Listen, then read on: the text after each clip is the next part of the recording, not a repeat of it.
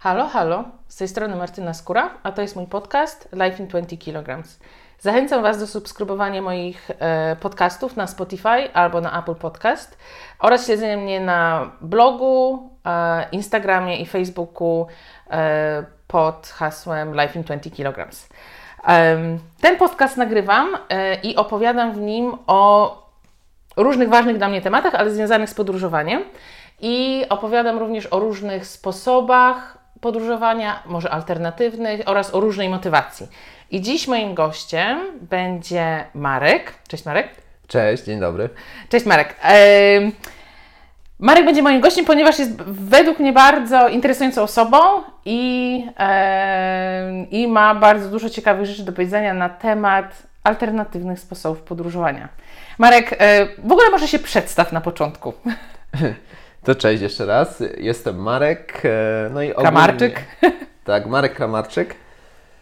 I generalnie mogę powiedzieć, że w, w, ciągu ostatnich pięciu lat większość czasu spędziłem na morzu i zacząłem moją przygodę z e, żeglarstwem od jachtostopu, nie mając wcześniej żadnego doświadczenia, a później się to zmieniło w pracę na jachcie, no i tak e, wylądowałem na Karaibach, później na Polinezji Francuskiej, przepłynąłem Atlantyk, Pacyfik. No i dzisiaj trochę o tym poopowiadam.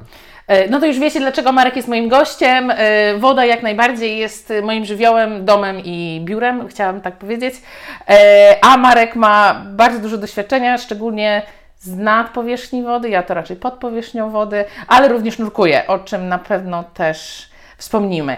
E, powiedz Marek, jak to się w ogóle u Ciebie zaczęło z e, tą wodą i żeglami? żeglami? Od dzieciństwa żeglowałeś na polskich jeziorach albo na Bałtyku? Nie, tak jak mówiłem, nie miałem nic wspólnego z wodą. Nigdy nie żeglowałem wcześniej, e, natomiast e, pod koniec studiów zdałem sobie sprawę, że e, to, czego się uczyłem przez ostatnie 5 lat, nie do końca jest tym, co chciałbym robić przez resztę życia. A uczyłeś się o e, wentylacji? Tak, o wentylacji, klimatyzacji, projektowaniu systemów, e, tego typu rzeczy, więc e, mało podróżniczo.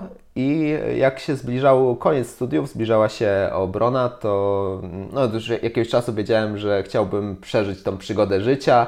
No i jak kończysz studia i nie masz jeszcze zobowiązań żadnych, no to chyba nie ma lepszego momentu. I Czyli też nie chciałeś kupować stołu z Ikei? Bo nie. to była moja motywacja do wyjazdu. Nie, nawet nie myślałem o stole e, z Ikei, natomiast e, chciałem, chciałem przeżyć tą przygodę i jakiś czas e, wcześniej, pod koniec studiów też e, zacząłem podróżować autostopem po, po Europie. No i mi się to całkiem spodobało, a później zupełnie przypadkiem zobaczyłem na YouTubie film o czymś takim jak Jachtostop, no już miałem pomysł, już wiedziałem, co chcę zrobić, bo raz, że nigdy nie żeglowałem, słyszałem, że to już w ogóle jest taka e, topowa e, sprawa, jeśli chodzi o podróżowanie na stopa, że jak już pływasz jachtami, to jest fajnie, no i fajnie się czegoś nowego nauczyć, dowiedzieć, odwiedzić e, jakieś ciekawe miejsca, że zawsze mi się marzyły Karaiby, no to wybrałem się w rejs jachtostopem na Karaiby i taki był początek. A jak to się stało właśnie, że od pomysłu w stylu obejrzałeś film e, na YouTubie i za jakiś czas byłeś na jachcie, a po kilku latach była, e, była to Twoja praca, Twoja pasja i sposób utrzymania. Czyli e, po zobaczeniu tego filmu, no to też nie, nie bardzo wiedziałem, co z tym zrobić. Zacząłem przeglądać internet, pojawiły się jakieś tam pierwsze poradniki blogowe, jak się ten jachtostop łapie. Przeczytałem książkę o jachtostopie, nawet taka powstała. Po, po polsku? Nie, ona akurat po angielsku było chyba się nazywało Hitchhiker's Guide to the Oceans, mhm. ale nie jestem teraz pewien. E, no i tam było wszystko opisane, jak po, krok po kroku to zrobić, nie mając doświadczenia, gdzie szukać, kiedy szukać, bo to też nie jest takie proste, bo wszystko jest związane z pogodą i sezonami mhm. żeglarskimi i nie wszystkie miejsca są dobre do szukania jak to stopu. Natomiast uzbrojony w tą wiedzę... Poje... Czyli jakbyś poszedł do Gdyni, e, do mariny, to mógłbyś nie znaleźć autostopu, e, jachtostopu. Myślę, że byłoby dużo ciężej niż na przykład na Gibraltarze, gdzie zacząłem swoją morską e, przygodę. I myślę, że też w Polsce, jeśli ktoś nie pływał po świecie i nie spotkał się z tym zjawiskiem, no to jest trochę dziwne dla ludzi, że ktoś przychodzi i szuka jacht, żeby płynąć e, gdzieś. Zresztą mała szansa, że ktoś z Gdyni wypływa akurat w długi rejs i potrzebuje załogi, bo przeważnie pływa się z ludźmi, którzy wypływają w dłuższe rejsy i potrzebują faktycznie pomocy, bo to nie jest tak, że pływamy za darmo, tylko przeważnie jak to to polega na e, pracy na jachcie w zamian za możliwość żeglowania. Mhm. I gdzie był Twój pierwszy jachtostop? Gdzie zacząłeś? No bo już wiemy, że nie w Gdyni. E, nie w Gdyni. Pojechałem autostopem takim normalnym samochodami na Gibraltar e, i tam e, miałem zacząć poszukiwania. Miałem tam bardzo dużo szczęścia, no bo jak wiecie, naprawdę nic nie umiałem z tego żeglarstwa. Nie miałem pojęcia, co to jest shot, czy w ogóle... Maszt. Dobra, maszt może, maszt może znałem, natomiast nigdy nie żeglowałem. I wysiadłem przed wejściem do mariny, czyli portu jachtowego na Gibraltarze, no i tak stoję przed tym wejściem i nie mogłem wejść do środka, bo zdałem sobie sprawę w ogóle, że jakąś głupotę chcę zrobić. E, nie mam doświadczenia, nie mam pieniędzy przede wszystkim. Mhm. Ile miałeś w kieszeni? Zabrałem w tą całą, znaczy na koncie miałem 1000 dolarów, tylko że ym, ta podróż wiedziałem, że będzie bardzo długa, więc 1000 dolarów e, w rejonach, gdzie jest dosyć drogo, czyli jak wiesz, na tropikalnych wyspach mhm. wszystkich, to jest raczej niewielka kwota. Mm, więc e, nie miałem pieniędzy i chciałem jeszcze, żeby ci żeglarze mnie czegoś nauczyli, bo wiedziałem, że przez to, że to będzie długa podróż, to chciałem, żeby przywieźć coś więcej niż tylko zdjęcia i piękne wspomnienia, tylko chciałem się też czegoś nauczyć. No i liczyłem, że mnie będą uczyć po drodze. No i teraz jak zagadać do tych żeglarzy? Tak się głowiłem trochę i po pięciu minutach słyszę za siebie po angielsku Cześć, jesteś tutaj na stopa? Tak. A nie chcesz płynąć ze mną na Wyspy Kanaryjskie? Tak. No i po pięciu... Wszechświat nad Tobą czuwał. Tak, po pięciu minutach zostałem zaproszony na jacht. Oczywiście powiedziałem, że nigdy nie pływałem. No i e, to był kapitan z Nowej Zelandii, nazywał się Denis. Jemu nie przeszkadzało to, że nie mam doświadczenia. Powiedział, że wszystkiego mnie nauczy. Tylko, że on się bał, że ja mam chorobę morską. A ja nie wiedziałem, czy mam, czy nie mam, bo nigdy nie żeglowałem.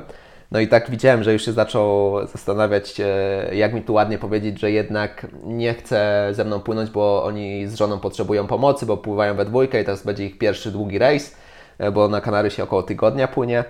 No i wtedy przyszła jego żona i się okazało, że ma na imię Bożena i jak się dowiedziała, że jestem z Polski, to zdecydowali się zaryzykować. A była też Polką? Tak, tak, tak. Taką urodzoną, wychowaną w Polsce? E, czy... Tak, tak. E, mieszkałem teraz w Australii, ale mm, jakby była Polką, Polką i jak się dowiedziała właśnie, że też jestem Polakiem, to tak już przychylniej na mnie patrzyli.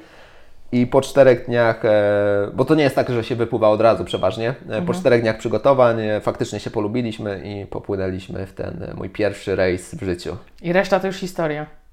Tak, tak? długa historia. A jak to się stało, że. No bo to był Twój pierwszy rejs, pierwsze koty za płoty i kiedy był taki moment, że stwierdziłeś, to jest to, co chcę robić, to jest moja pasja, ja bym chciał, to, chciał to, z tego zrobić pracę i zacząć na tym zarabiać? Raczej to już musimy się przenieść daleko w przyszłość, bo mhm. ta podróż była dosyć długa i ja po tym pierwszym rejsie wiedziałem, że chcę dopłynąć na Karaiby tym jak to stopem, mhm. bo wiedziałem, że nie mam choroby morskiej i to całe żeglarstwo mi się podoba. Później e, w Las Palmas na Kanarach już szukałem przez e, trzy tygodnie kolejnej łódki mhm. i e, później jeszcze tydzień pracowałem i popłynęliśmy na te Karaiby. Dotarłem na drugą stronę oceanu i myślę, że taki moment, e, że wiedziałem, że chcę więcej czasu spędzić na morzu, e, pojawił się tuż po świętach, a dokładnie w Wigilię, bo ja przez Atlantyk płynąłem już później na polskim jachcie. No i na Karaibach spotkałem e, Michała, takiego jachtostopowicza, którego poznałem jeszcze w Las Palmas, tylko że on był doświadczonym żeglarzem, więc mhm. on szukał łódki w 3 dni, a nie 3 tygodnie bo jak ktoś ma doświadczenie, to bez problemu znajdzie, bo faktycznie załogi brakuje, no bo ile znasz osób, które mają 2-3 miesiące czasu wolnego, żeby się w taką podróż e, wybrać. I e, zaprosiłem go na Wigilię, bo organizowaliśmy tam polską kolację, ja wiedziałem, że jest sam. No i okazało się, że e, właściciele jego łódki, e, na której on przepłynął Atlantyk, wrócili do domu do Szwecji i zostawili mu jacht jako kapitanowi na pół roku. Mhm. Więc mnie zaprosił, e, ja się chętnie do niego przyłączyłem, no i mogliśmy pływać na Karaibach, gdzie chcieliśmy a ci Szwedzi pokrywali koszty tej żeglugi. No to Jaki znaczy, był ich interes z tym, żeby Wam płacić za wakacje? Czyli nie mieliśmy żadnej pensji i to mhm. Michał jakby e, opiekował się tą łódką, ja mu pomagałem i chodziło o to, żeby nie zostawić łódki bez opieki, bo po, postój w marinie jest dużo droższy niż koszty żeglugi takiego mhm. jachtu. Więc oni po prostu opłacali paliwo, jakieś naprawy, opłaty w urzędach imigracyjnych, które są na każdej wyspie, czy mhm. y, no sportów nie korzystaliśmy, ale czasem na bojce cumownicze jakieś stawaliśmy, więc oni pokrywali wszystkie koszty żeglugi, a my opiekowaliśmy się tym jachtem y, właśnie w zamian za możliwość żeglowania. No i to były, ja z Michałem spędziłem dwa miesiące i to były dwa najlepsze miesiące mojego życia i wtedy wiedziałem, że chcę zostać e, w tym świecie na dłużej. A co się wydarzyło przez te dwa miesiące, że, uzna, że mówisz właśnie, że to są najcudowniejsze miesiące życia? Mieliśmy jak, nie mogliśmy pływać gdzie chcieliśmy. no i gdzie popłynęliście? E, najpierw, najpierw płynęliśmy wzdłuż e, wybrzeża Martyniki na północ. Później dotarliśmy na kolejną wysepkę Dominikę, która mnie oczarowała, bo to jest naprawdę Dominika to nie jest Dominikano, bo to jest też tak. taki częsty błąd. E, ja kiedyś się spotkałem w, z redakcją jakiegoś tekstu, który napisałem, że pisałem o Dominice, a ktoś to zmienił na Dominikanę, e, więc e, rozumiem ten błąd. Więc Dominikana jest bardziej na północ i to jest dosyć duża wyspa, natomiast Dominika to jest malutka wysepka pomiędzy Martyniką i Guadelupą. No i właśnie słynie z pięknej, dzikiej przyrody.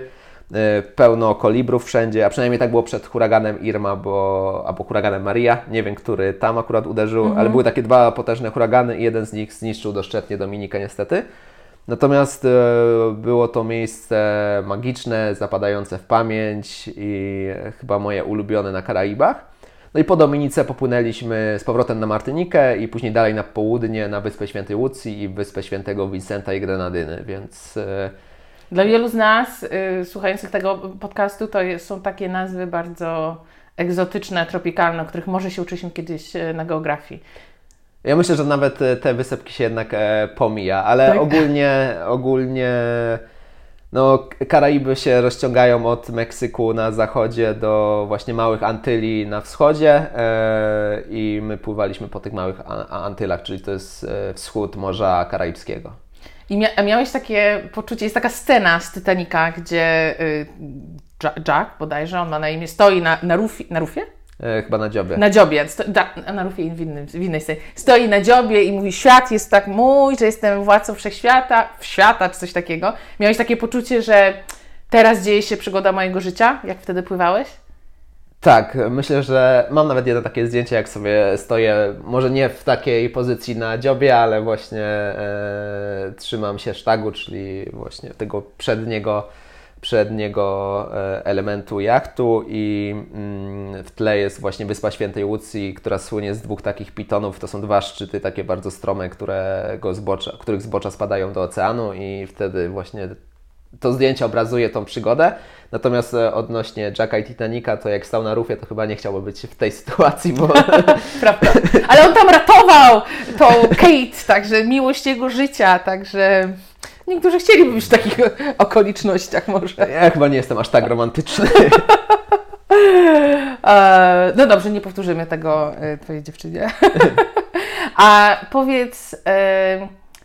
Bo to, co opowiadasz, brzmi e, fantastycznie, wielka przygoda życia, i teraz e, może połowa naszych słuchaczy będzie stwierdzi, rzucam wszystko, jadę na jachtostopa. Ale jak, e, jak rzeczywiście, ja dużo opowiadam zresztą w mojej książce o takich oczekiwaniach i Instagramie versus rzeczywistość. I e, mówisz o pięknych zdjęciach, przygodach e, na Karaibach, Kanarach, na Pacyfiku. A jakie są te takie nierajskie strony tego, e, takiego stylu podróży. Mhm. E, na pewno jest dużo nierajskich e, stron. Myślę, że nawet większość e, tego typu podróżowania jest absolutnie nierajska. Natomiast dla mnie to nie było zaskoczenie, bo ja się dosyć dobrze przygotowałem teoretycznie do tej podróży. Wiedziałem, co mnie czeka i było tak, jak przeczytałem, bo jak to stop, tak już wspominałem, to nie jest podwózka za darmo, tylko płyniemy po to, żeby pomóc w prowadzeniu jachtu i większość obowiązków jachtowych, jak nie mamy doświadczenia, się na pewno będzie ograniczać do sprzątania. E, nawet jak już mamy doświadczenie, to też jest dużo sprzątania, czyszczenia, mycia wszystkiego. Taką popularną czynnością, przez którą można się załapać na jak to sobie polerowanie stali nierdzewnej, bo to jest rzecz, którą trzeba robić dosyć regularnie, mhm. a nikomu się nie chce. I, I tak siedzisz ze szczoteczką do tak, zębów tak, i szorujesz. dwa dni na przykład. Aha. E, a jak jest większy jacht, to przez więcej czasu, jak zaniedbany jacht, to już w ogóle masakra. Natomiast e, faktycznie trzeba sobie zdawać sprawę, że jak to jest taki wolontariat i większość czasu jednak spędzimy czy to na wachtach, czy to przy jakichś pracach i tych przygodowych części jest e, dosyć niewiele e, tak naprawdę. Mm, chyba, że trafimy na fajny jacht albo na sytuację, kiedy faktycznie nie było kapitana jachtu, czy Michał był kapitanem tego mhm. jachtu, natomiast e, pływaliśmy gdzie chcieliśmy i to my decydowaliśmy gdzie chcieliśmy, bo zwykle po prostu płyniemy tam, gdzie kapitan zechce i czasem jest tak, że e, mówi, że płynie tam, a w połowie rejsu na przykład zmieni zdanie i się ląduje w zupełnie innym miejscu. Mhm, Okej, okay. a powiedz, y, były jakieś takie momenty rozczarowania dla Ciebie? E, nie wiem, czy na początku tej e, przygody, mówię o tam pierwszym roku, bo e, ja wtedy te wszystkie ciężkie sytuacje tak z uśmiechem brałem na klatę i mhm. traktowałem to właśnie jako kolejną przygodę, kolejne doświadczenie i cieszyłem się, że się rzeczy dzieją, no bo też na przykład podczas poszukiwania stopu w Las Palmas już nie miałem tyle szczęścia co na Gibraltarze i e, spędziłem tam trzy tygodnie, z czego pierwszy tydzień spałem z bezdomnymi e, pod schodami na plaży, bo nie miałem pieniędzy na hostel żaden, bo nie chciałem wydawać na noclegi. Czy życie bezdomnego w Polsce różni się od życia bezdomnego yy, tak. w tropikach? tak, tak. No nie, no w tropikach jakby pogoda sama jest dużo przyjaźniejsza, jest cieplej, więc nie musimy się chronić przed zamarznięciem. Zresztą ja miałem namiot tylko na Kanarach przez pierwszy tydzień padało i, nie, i wiało strasznie mocno, nie miałem gdzie go rozbić, więc dlatego spałem z bezdomnymi. E, no a później przygarnęli mi hiszpańscy studenci, którzy dużo podróżowali autostopem. Jak się dowiedzieli, że ja tutaj na stopa jachtem przypłynąłem, no to zaprosili mnie do siebie. No i wtedy już mogłem się spokojnie skupić na poszukiwaniach mojej łódki, no i mieszkałem z nimi, aż nie znalazłem e, jachtu, na który się od razu przeprowadziłem. Mhm. A tak z perspektywy tych, no w sumie pięć, to pięć lat temu zacząłeś. Tak. Co, co Ci dał ten jachtostop i jachtostop i w ogóle żeglarstwo? E, na pewno nauczył mnie ciężkiej pracy, mm-hmm. no bo to było pierwsze takie doświadczenie w, w, moim życiu, że faktycznie, no bo przy, powiedzmy sobie szczerze, studia, no to tak trochę... Nie, nie jest to ciężka praca. Nie jest to aż tak ciężka praca, natomiast na jachtach jest dużo dyscypliny, no bo tam nie ma żadnej de- demokracji, tylko słuchamy kapitana bez względu na to, co, co mówi i czy się z nim zgadzamy, czy się nie zgadzamy. Trzeba się przyzwyczaić do tego trybu życia chyba przebywania z innymi ludźmi na małej przestrzeni przez długi czas, bez możliwości opuś- opuszczenia tego miejsca. Mhm. Ja myślę, że to jest klucz w ogóle do i jachtostopu, i pracy na jachtach, i żeglarstwa. O to, jak bardzo się, jak dobrze się dogadujesz z innymi ludźmi właśnie w takich sytuacjach, które często się zmieniają w stresujące, w stresowe. E, czego jeszcze, co mi jeszcze dał jachtostop? E, no i spełniłem się przygodowo, bo faktycznie po tych e, trzech i pół roku w sumie na morzu, bo czystej żeglugi takiej przebywania na jachcie to było 3,5 roku w ciągu tych pięciu lat, e, to, nau, to, to spełniłem się jakby przygodowo i teraz mogę już trochę bardziej twardo stąpać po ziemi. Mm-hmm. A w... ja w mojej książce y, opisuję moje 9 lat w podróży i y, to jest tak, że jak jedzie się w podróż, to i accept all terms and conditions, podpisujesz mhm. się e, pod wszystkimi warunkami wyjazdu, no i są, e, są jakieś poświęcenia, coś poświęcasz, e, wybierając taki tryb życia. Jakie to były u Ciebie poświęcenia? U mnie chyba największe na początku, bo na studiach całkiem dobrze mi szło i dostałem bardzo dobrą ofertę pracy w zawodzie, a już wiedziałem, że po obronie chcę wyruszyć na te Karaiby jak to stopem. Poszedłem na rozmowę kwalifikacyjną. E, dwa dni później dostałem telefon, że dostałem tą pracę. Mhm. I powiedziałem, że jednak rezygnuję, bo chcę płynąć e, jak to stopem e, na Karaiby.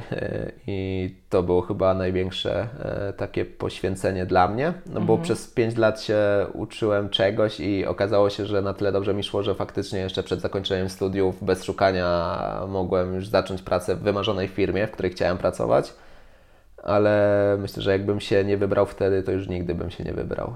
Mhm. I generalnie żałujesz? Decyzji? Nie, nie, absolutnie nie. Jakby. No teraz nie mam stabilnego życia i to nie jest łatwe, e, mhm. e, zwłaszcza w pandemicznych czasach, bo e, teraz chętnie przygarnąłbym taką stabilną posadę, natomiast e, na pewno nie żałuję, bo z perspektywy czasu, tych 5 lat, no to i w ogóle wcześniejszych jakichś decyzji życiowych, no to ta o wyjeździe jak to stopem na Karaiby była tą najlepszą, którą podjąłem na razie. Mhm. A powiedz, bo wspomniałeś wcześniej, czego na, nauczyło Cię to żeglowanie. Czy uważasz, że taki tryb życia jest dla każdego? Że każdy mógłby się w nim odnaleźć? Nie, e, myślę, że nawet niewiele osób. I dlatego tak ciężko jest znaleźć e, załogę, no bo jednak e, pływanie jachtem żaglowym, nie mówimy o jakimś luksusowym jachcie albo wielkim statku ala Titanic, mhm. wcale nie jest wygodne tak naprawdę. Jest dużo pracy, tak jak wspominałem. Jak się płynie z Europy na Karaiby, no to przeważnie pogoda jest dobra, natomiast jak się wraca z Karaibów do Europy, no to jest burzowo, wiecznie mokro, zimno i zdarzają się sztormy, no i mhm. nie ma już takiego przyjemnego rejsu. E, tak samo e, dużo rzeczy zależy od załogi, z którą się płynie, bo te trzy tygodnie na oceanie mogą być e, jednym z najlepszych doświadczeń w życiu, jeśli ludzie, którzy Cię otaczają są w porządku, a jeśli nie są, to mogą być najgorsze trzy tygodnie Twojego życia, więc nie każdy chce podjąć takie ryzyko. I nie każdy odnajduje się w, właśnie w tej sytuacji dogadywania się z innymi ludźmi przez trzy tygodnie na tej zamkniętej przestrzeni. Więc myślę, że tak jak już mówiłem wcześniej, to jest taki największy problem e, tego całego życia na morzu.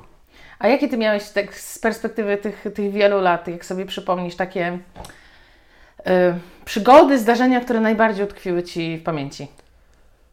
To są takie cztery chyba, albo trzy. E, mhm. No pierwszą to był ten, ten, ta cała podróż e, pierwsza jak to stopem na Karaiby i właśnie to pływanie z Michałem, no to jakby uznaję to jako całość i, i tą przygodę. Drugi moment to pierwszy w życiu sztorm. E, I to już... Jak wygląda sztorm? Bo podejrzewam, że większość z nas widziała je tylko na filmach. To w, jakby na filmy nie oddają rzeczywistości na pewno. no to jaka jest rzeczywistość?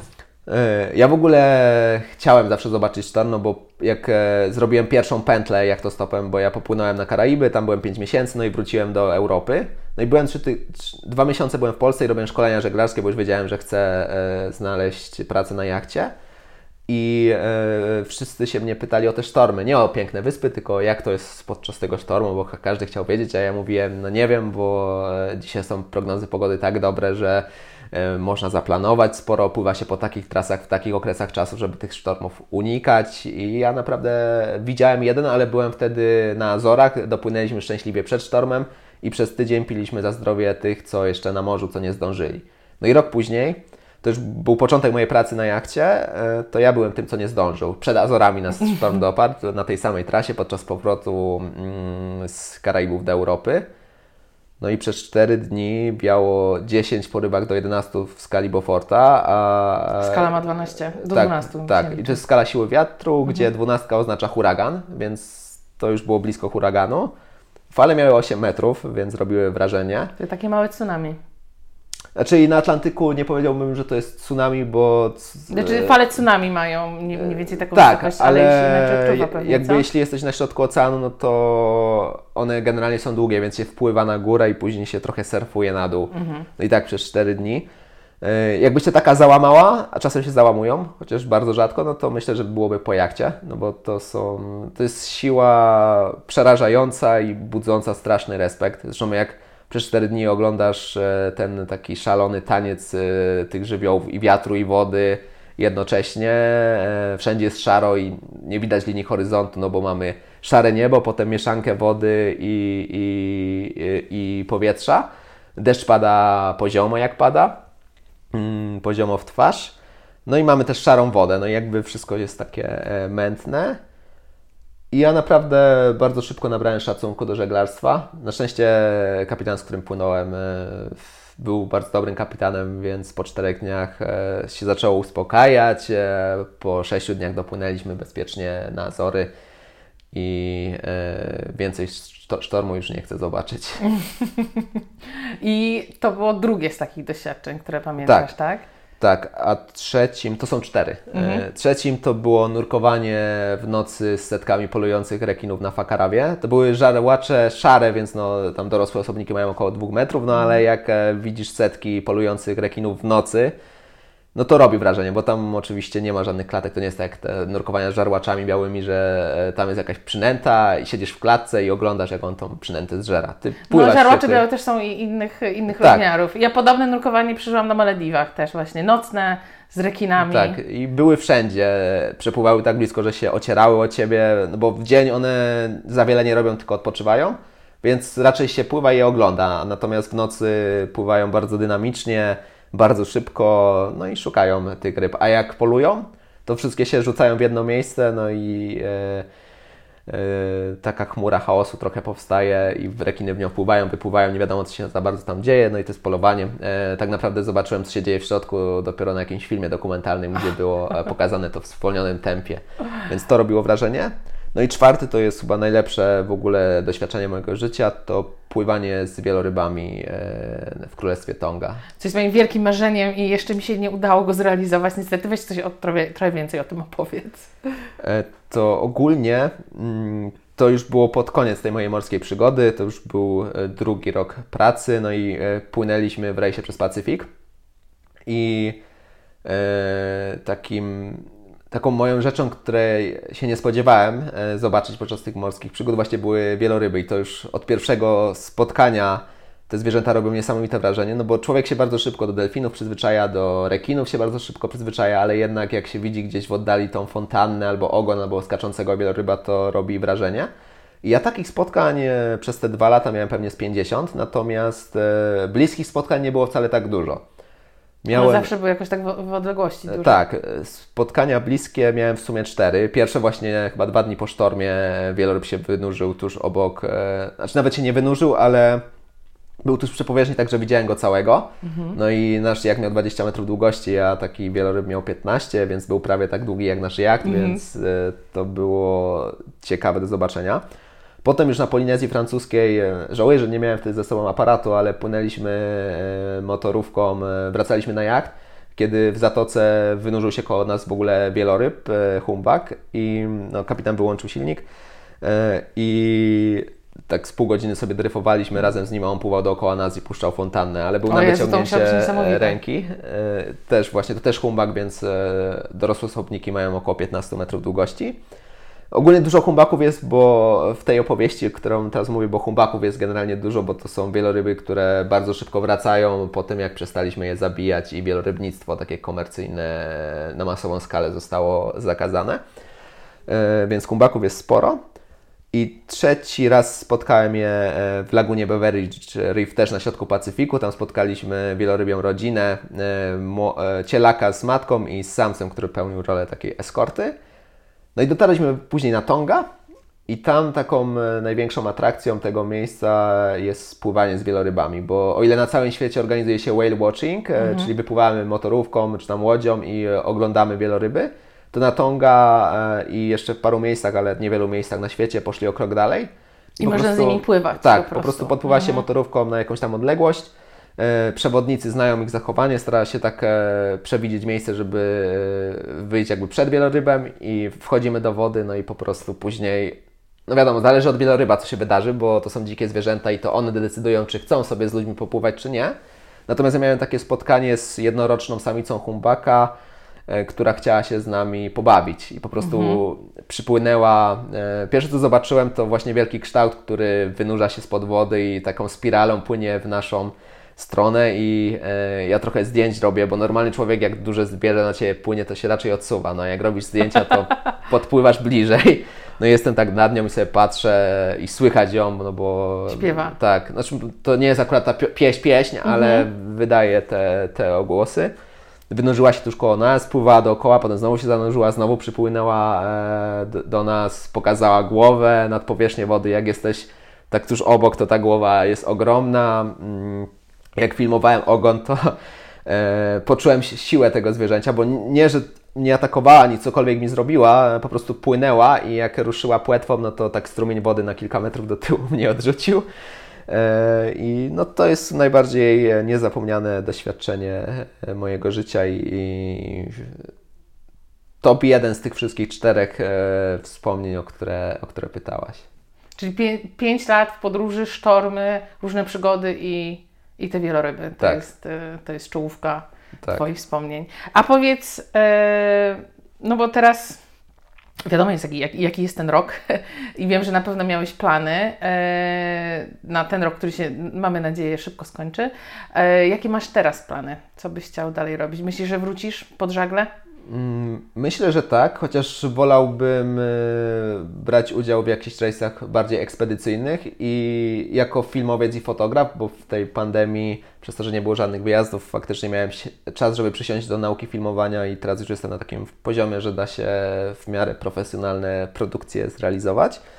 Natomiast nie chcę chyba wracać do pracy na luksusowych jachtach, jak to robiłem wcześniej, no bo ona umożliwia bycie w pięknych miejscach, natomiast e, co Ty doskonale też wiesz, e, jak pracujesz generalnie w turystyce, w serwisie turystycznym, czy to są luksusowe jachty, czy nurkowanie, no to mimo, że przebywasz w tych luksusowych miejscach, w tych w, fantastycznych miejscach, to mimo wszystko tego czasu dla nas nie jest za dużo. I to jest zawsze praca. Tak. I, I turkusowe, ja wiem, że to może zabrzmieć dziwnie dla wielu słuchaczy, ale turkusowa woda w pewnym momencie przestaje być taka turkusowa i może bardzo spowszednieć. Dokładnie, z tym się zgadzam w 100%. Więc tak jak mówiłem, e, pod żagle na pewno, bo to jest świetny środek transportu właśnie do realizacji jakichś filmów i, i w ogóle czy, czy, jako baza dla fotografa, no bo mamy i prąd, i gdzie się przespać, i w miarę bezpiecznie zostawić rzeczy więc nie trzeba wszystkiego brać cały czas ze sobą i tachać, ale chciałbym, e, chciałbym, żeby dalej to była praca, ale chciałbym się skupiać na robieniu filmów i zdjęć. Mhm. To jest podcast, więc my generalnie dużo mówimy, ale tak jak y, sam wspomniałeś, masz bardzo dużo materiałów zdjęć i filmów. E, czy nasi słuchacze mogą je gdzieś znaleźć? Gdzie można Cię znaleźć? Tak, mnie dosyć łatwo znaleźć, bo po nazwisku, czyli Marek Kramarczyk i e, mam i kanał na YouTubie, choć on dopiero raczkuje, Instagrama. Ale masz już tam kilka filmów, bo oglądałam ostatnio. Tak, tak, są wieloryby i te bliskie spotkania z wielorybami są. Jest trochę o pracy na jachcie, trochę o jak to stopie, e, poradniki jak to zrobić i jak to wygląda. E, oczywiście Instagram, Facebook, e, no i e, też jest blog, na którym dawno nie pisałem, bo to ostatnio jakby ostatnio, żeby bloga pisać, to trzeba pisać poradniki i przewodniki, a e, za dużo ludzi nie chce robić tego, e, co ja robię, czyli jak to stopu, czy pracy na jachcie, chociaż jest to tam wszystko opisane, więc jeśli ktoś jest zainteresowany, to zapraszam. Czyli YouTube, Instagram, Facebook i, i, i strona internetowa Facebook zwana blogiem technicznie, e, więc jest wszystko, e, kto co woli. Dobra. Y Także jeżeli chcecie zobaczyć wieloryby albo ym, posłuchać ich śpiewu, czy posłuchać o tym, jak się pływa jachtostopem, albo jak y, powstają perły, bo ten materiał też zrobiłeś, widziałam wczoraj y, na YouTubie, to wpadajcie do Marka na, y, na YouTuba albo inne kanały. Marek, ja Tobie bardzo dziękuję za rozmowę, która trwała 32 minuty już. Trzymam kciuki za plany filmowe i na pewno będziemy jeszcze wspólnie jakieś rzeczy robić. O, to ja Ci dziękuję bardzo za zaproszenie i mam nadzieję, że nie nudziliście się przez te e, pół godziny i że coś ciekawego z tej rozmowy wynieśliście i faktycznie pewnie będziemy coś jeszcze robić, więc spodziewajcie się mnie więcej. No ja już się y, tylko cieszę na tą współpracę. E, dziękuję Wam bardzo za e, spędzony z nami czas. To był podcast Life in 20 kg. Ja mam na imię Martyna Skóra. E, zachęcam do subskrybowania moich podcastów na Spotify albo na innych um, aplikacjach podcastowych oraz śledzeniu mnie na social mediach pod tym samym hasłem. Dziękuję bardzo. Pa!